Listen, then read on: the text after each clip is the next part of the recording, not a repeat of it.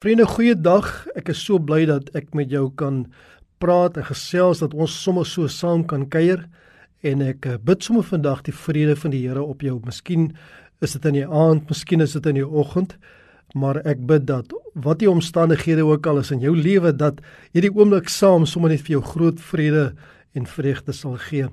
Die woord van die Here is altyd so vol waarheid en ek wil juist begin om 'n vers te lees wat ons almal ken en iets wat ons almal gebruik. Partykeer weet ons dalk nie as dit staan in die Bybel nie.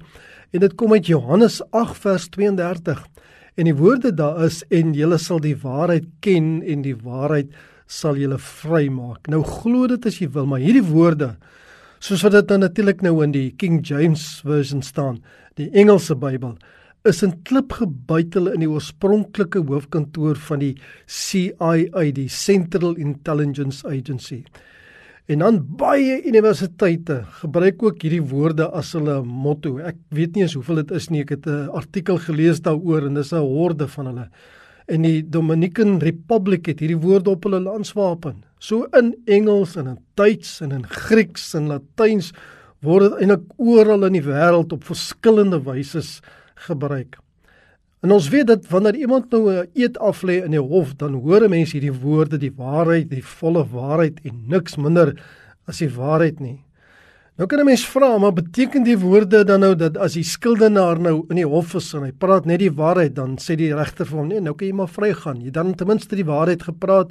Daar's geen gevolge vir jou misdaad nie of beteken dit dat die kennis wat 'n student by universiteit kry om sal vrymaak in alle opsigte.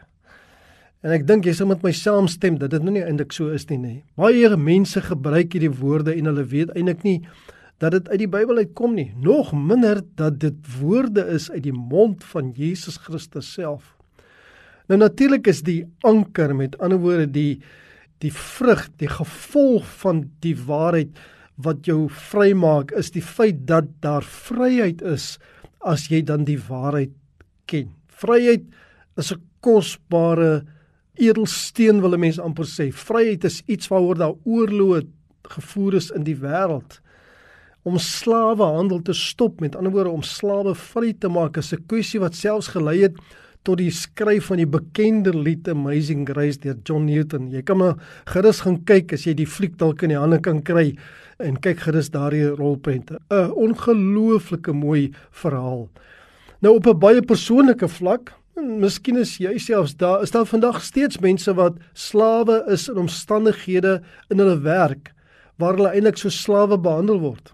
Ek bedoel nie dat dit amptelik is nie dat dit regtens as slawe drywing beskou sal word nie. Dis eenvoudig nie dat een mens kan teenoor 'n ander mens so optree dat dit voel asof jy 'n slaaf is van daai persoon want jy's afhanklik van die inkomste. Nou moet jy maar net doen wat die persoon vir jou sê en werk op lang ure en op ongemaklike take en dit is regtig vir jou nie lekker nie maar jy doen dit maar net. Nou mense leef ook met hulle eie vrese fobies selfs, bygelowigheid en allerlei sielkundige en emosionele, noem dit maar boeye, tronke goed wat mense bind wat hulle eintlik slawe maak van hierdie tipe van emosionele omstandighede. Maar wat het Jesus nou werklik bedoel? As jy Johannes 8 vers 31 tot 38 lees en ons gaan dit later doen, sal jy eintlik sommer heeltemal op jou eie 'n goeie idee kry in die Bybel en dan Jesus terwyl hy praat verklaar eintlik presies wat hy bedoel. Maar kom ons kyk 'n bietjie vandag na die volle omstandighede, die volle konteks hiervan. En op hierdie punt wil ek vir jou vra, kom ons vra net die Here om sy woord vir ons oop te breek. Vader in die hemel, dankie dat ons in hierdie oomblik, maar net weer hier tussen die blaaie, die woorde, die paragrawe, die hoofstukke van u woord kan kuier saam met u. En ons gebed vandag is Here dat U vir ons sal help om bokant ons verstand, bokant ons begrip eintlik te kom verstaan wat U vir ons wil sê. Ons bid dit in Jesus wonderlike naam. Amen. Nou in vers 1 tot 11 lees ons 'n baie bekende verhaal van Jesus wat op die Olyfberg besig is om 'n skare mense te leer soos wat hy mos nou maar baie keer gedoen het. En dan bring die fariseërs en die skrifgeleerdes, dis nou die die Joodse teoloë wil 'n mens amper sê, hulle bring 'n vrou na Jesus toe wat hulle nou op oorspel of op egbreek betrap het. En volgens die wet en dit sê hulle ook, die wet van Moses sê maar hulle kan hierdie vrou stenig, hulle kan haar doodmaak. Maar nou toets hulle vir Jesus deur om te vra maar wat sê hy daarvan? Die vers sê eintlik hulle versoek hom vers 6. In hierdie Joodse teoloë eintlike intensie, hulle doel eintlik, hulle agenda is om Jesus eintlik onder 'n kruisverhoor te neem. Hulle skep eintlik so 'n hofsituasie en 'n weet 'n hof is nogal die plek waar die waarheid behoort te seëvier. En Jesus die die meester doen drie dinge wanneer hy hierdie klomp manne en hierdie vrou voor hom sien. En eers buig hy af en hy skryf met sy vinger op die grond en niemand weet eintlik wat hy geskryf het nie. En dan omdat hulle nou aandring op 'n reaksie en op 'n antwoord, dan staan hy op en dan gee hy vir hulle in vers 7 hierdie woorde dan: Laat die een van julle wat sonde sonde is, die eerste klip op haar gooi. En dan buig Jesus af en hy skryf maar net weer op die grond. En hierna het hierdie klomp teoloë, hierdie beskuldigers, het een na die ander weggeloop totdat net Jesus en die vrou agterbly. Die woord sê nou gal van die oudste tot die jongste. Dit skep amper die indruk dat die die oudstes het eers te besef, maar ons het ons het ook sondes, ons kan nie klippe gooi nie. Jy sien die sonde van die vrou was die waarheid. Maar dit was net 'n deel van die waarheid. Die volle waarheid was dat nie een in daardie groep behalwe Jesus self natuurlik sonder sondes was nie. En Jesus sou nie 'n halwe waarheid aanvaar nie. Ek meen as jy dan 'n hofsituasie wou skep, kom ons volg dan die reëls, wil mense amper sê, het Jesus dalk daar in die grond geskrywe. En die vrou het ook nie haarself verontskuldig nie. Sy het ook bly staan onder hierdie woorde van Jesus: "Laat die een van julle wat sonder sonde is, die eerste klip op haar gooi." Jesus stuur haar weg met die woorde in vers 11: "Ek veroordeel jou ook nie. Gaan heen en sondig nie meer nie." Hierdie woorde was eintlik die waarheid sal jou vrymaak in praktyk sonder dat Jesus dit nog gesê het want hy het dit eintlik eers later en eintlik by 'n ander geleentheid gesê. Maar op daardie oomblik het hy eintlik sonder dat hy dit gesê het, hy het hy het dit toegepas in die praktyk in sy hantering van hierdie vrou. En hierdie kruisverhoor het nou in die volgende verse het dit voortgegaan van vers 12 tot 30 af en in hierdie gedeelte maak Jesus 'n klomp waarheidstellings oor homself. En ek gaan baie vinnig, jy kan op jou eie tyd dit mooi gaan lees, maar ek gaan baie vinnig met jou hardloop deur 'n klompie verse. Vers 12 sê Jesus, ek is die lig van die wêreld. Wie my volg sal sekerlik nie in die duisternis wandel nie, maar sal die lig van die lewe hê. Vers 14. Al getuig ek ook van myself, my getuienis is waar. Vers 15. Ek oordeel niemand nie. Vers 19. Julle ken my nie en ook nie my Vader nie. As julle my geken het, sou julle my ook my Vader geken het. Vers 21. Ek gaan weg en julle sal my soek en julle sonde in julle sonde sterwe. Waar ek gaan kan julle nie kom nie. Vers 23. Julle is van benede, ek is van bo. Julle is uit hierdie wêreld, ek is nie uit hierdie wêreld uit nie. En dan vers 24. Ek het dan vir julle gesê dat julle in julle sonde sal sterwe, want as julle nie glo dat dit ek is nie, sal julle in julle sonde sterwe. Vers 25. Toe sê hulle vir hom: "Wie is u dan?" En Jesus antwoord hulle: "Net dit wat ek vir julle gesê het." Vers 26. Maar hy wat my gestuur het, dis waaragtig en ek wat ek van hom gehoor het, dit spreek ek tot die wêreld. Dan vers 28 en vers 29 en Jesus sê vir hulle wanneer julle die seun van die mens verhoog het, dan sal julle weet dat dit ek is en net myself doen ek niks nie, maar net wat my Vader my geleer het, dit spreek ek. En hy wat my gestuur het is met my. Die Vader het my nie alleen gelaat nie, omdat ek altyd doen wat hom welgevallig is. Al hierdie stellings maak Jesus om te oortuig van die waarheid, om te oortuig dat hy die waarheid is, om te getuig dat wat hy oor homself sê die waarheid is.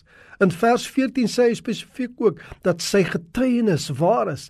In vers 26 sê Jesus dat sy Vader waaragtig is. Hy beklemtoon ook dat hy gehoorsaam is aan sy Vader. Maar tussen al hierdie waarhede en dat Jesus sê dat sy getuienis waar is, lees ons in vers 30 dat baie in hom geglo het. Waar dit is, ons natuurlik kan aflei dat daar ook die was wat nie geglo het nie. Wat wil 'n mens eintlik vra? Wat verhoed iemand om te glo? Wat veroorsaak dat iemand net nie glo nie? Mens kan eintlik antwoord omdat iemand in die duisternis wandel volgens die woorde wat Jesus nou al gepraat het hier omdat iemand kies om in sy sonde te bly en nie in die lig Jesus Christus en om nie Jesus Christus te aanvaar as die waarheid nie. Dit is die dinge wat eintlik verhoed dat iemand glo. Nou volgens vers 31 begin Jesus nou met die Jode praat wat in hom glo. Met ander woorde, mense kry eintlik indruk dat hy sê julle wat nou nie glo nie, staan julle net maar een kant. Ek het net klaar met julle gepraat. Ek wil nou praat met hulle wat in my glo. En hy het klaar gepraat met ander woorde met die wie se harte verhard was. Nou bemoedig hy die wat in hom glo, die nederiges van hart. Hy praat egter nie nou net met die Jode wat daai dag daar was nie. Ook nie eens met die Jode net wat vandag lewe nie. Hy praat ook met die mense wat vandag lewe met jou en met my. Die fokus is nie net op die Jood en hulle godsdienst nie, maar op op die volgeling van elke ander godsdienst wat vandag die evangelie van Jesus Christus hoor of dit lees. En daarom wil ek vir jou vra, kom ons lees nou gou saam van vers 31 tot vers 38. En daar staan en Jesus sê vir die Jode wat aan hom geglo het: As julle in my woorde bly, is julle waarlik my disippels. En julle sal die waarheid ken en die waarheid sal julle vrymaak. Hulle antwoord hom: Ons is die geslag van Abraham en nog nooit vir iemand slawediens verrig nie. Hoe sê u dan julle sal vry word? En Jesus antwoord hulle: Voorwaar, voorwaar ek sê vir julle dat elkeen wat die sonde doen, 'n dienskneg van die sonde is. En die dienskneg bly nie vir altyd in die huis nie. Die seun bly vir altyd. As die seun julle dan vrygemaak het, sal julle waarlik vry wees. Ek weet dat julle die geslag van Abraham is, maar julle probeer om my om die lewe te bring, omdat my woord geen ingang in julle vind nie. Ek spreek van wat ek by my Vader gesien het en julle doen ook wat julle by jul Vader gesien het. Nou jy moet vandag weet dat Jesus altyd te woord sal hê vir die mens wat respek en liefde vir sy woord ontwikkel het. Hy sal jou nooit ignoreer nie. Jesus gaan haal die een skaap wat afgedwaal het. Hy los die 99 agter en gaan soek daardie een. As dit vandag jy is, wil ek hê jy moet weet Jesus soek na jou. Hy's op soek na jou, hy roep na jou. Die karakter van 'n ware disipel sê Jesus vir ons hier is dat hy voortgaan in God se woord. Dis Jesus se bepaling, sy definisie eintlik van wie is sy ware disippels? Wie is die wat in hom glo? Nie iemand wat nou en dan 'n vers lees nie. Nie die een wat prentjie boodskappe rondstuur nie. Nie die een wat nou en dan kerk toe gaan nie, nie die een wat voorgee dat hy 'n volgeling is nie. Jy weet so 'n persoon kon net sowel nie na Jesus toe kom nie. Dit is eintlik mense wat in dieselfde kategorie is as daardie klomp skrifgeleerdes. Om na Jesus toe kom as 'n sondaar moet wees met die intensie om my sonde by hom te bely en dit te los, anders sal ek gekonfronteer word met die waarheid, net soos wat hulle wat die egbreekster gebring het en ek sal omdraai en wegloop weg van Jesus af. Hoekom? Omdat ek te trots is om te erken en omdat ek verhard is, so verhard in my hart dat ek nie kan glo nie. Wat 'n wreedheid is dit eintlik wat 'n mens aan jouself kan doen om uit die teenwoordigheid van God weg te stap. Ek dink sommer net aan daai klompie manne wat miskien later besef het ons was in die teenwoordigheid van die seun van God. Ons het die intensie gehad om hom te beskuldig om dood te maak en ons het uitgestap uit sy teenwoordigheid ons het weggestap van die waarheid. Om deur die waarheid vrygemaak te word, begin by om in die woord te bly en so 'n disipel van Jesus te wees. Ons omgaan met die woord en ons ons aanpassing, ons soos hulle in Engels sê om te submit, om ons om ons gehoorsaam te maak. Dit moet konstant wees. Dis nie maar net 'n een eenmalige gebeurtenis nie. Dis nie maar net nou en dan nie. Hierdie voorreg van 'n ware disipel van Christus lê in twee kosbare beloftes wat ek en jy eintlik hier vandag gehoor en gelees het. En dit bring ons terug eintlik by daardie kernvers van ons. Eerstens dat ek en jy die waarheid sal ken. Jy sal die waarheid ken wat nodig is en voordelig is vir jou om te weet. En jy sal meer gefestig en geanker en bevestig wees in die geloof en die sekerheid daarvan. Met ander woorde, jou geloof sal eintlik konstant in 'n groeiproses wees. As kinders van die Here ons osself wetend nie en beleef ons ook nie net ligte tye. Ons beleef moeilike tye, donker tye, selfs ten opsigte van kennis. Ons weet ook maar net soos ander mense nie wat môre gaan gebeur nie. Ons leer eintlik maar elke dag. Maar dit bly 'n voorreg om die waarhede te ken waarop alles neerkom. Met ander woorde om God se woord in ons in te plant, in te drink en te eet. Dit wat ons nodig het dit waarin ons glo en ons weet dat hierdie woord eintlik is soos die woord sê 'n lig vir ons pad en 'n lamp vir ons voet. Dis 'n genadige belofte van die Here Jesus vir almal wat in sy woord bly, dat hulle die waarheid sal ken sover dit vir hulle nodig is.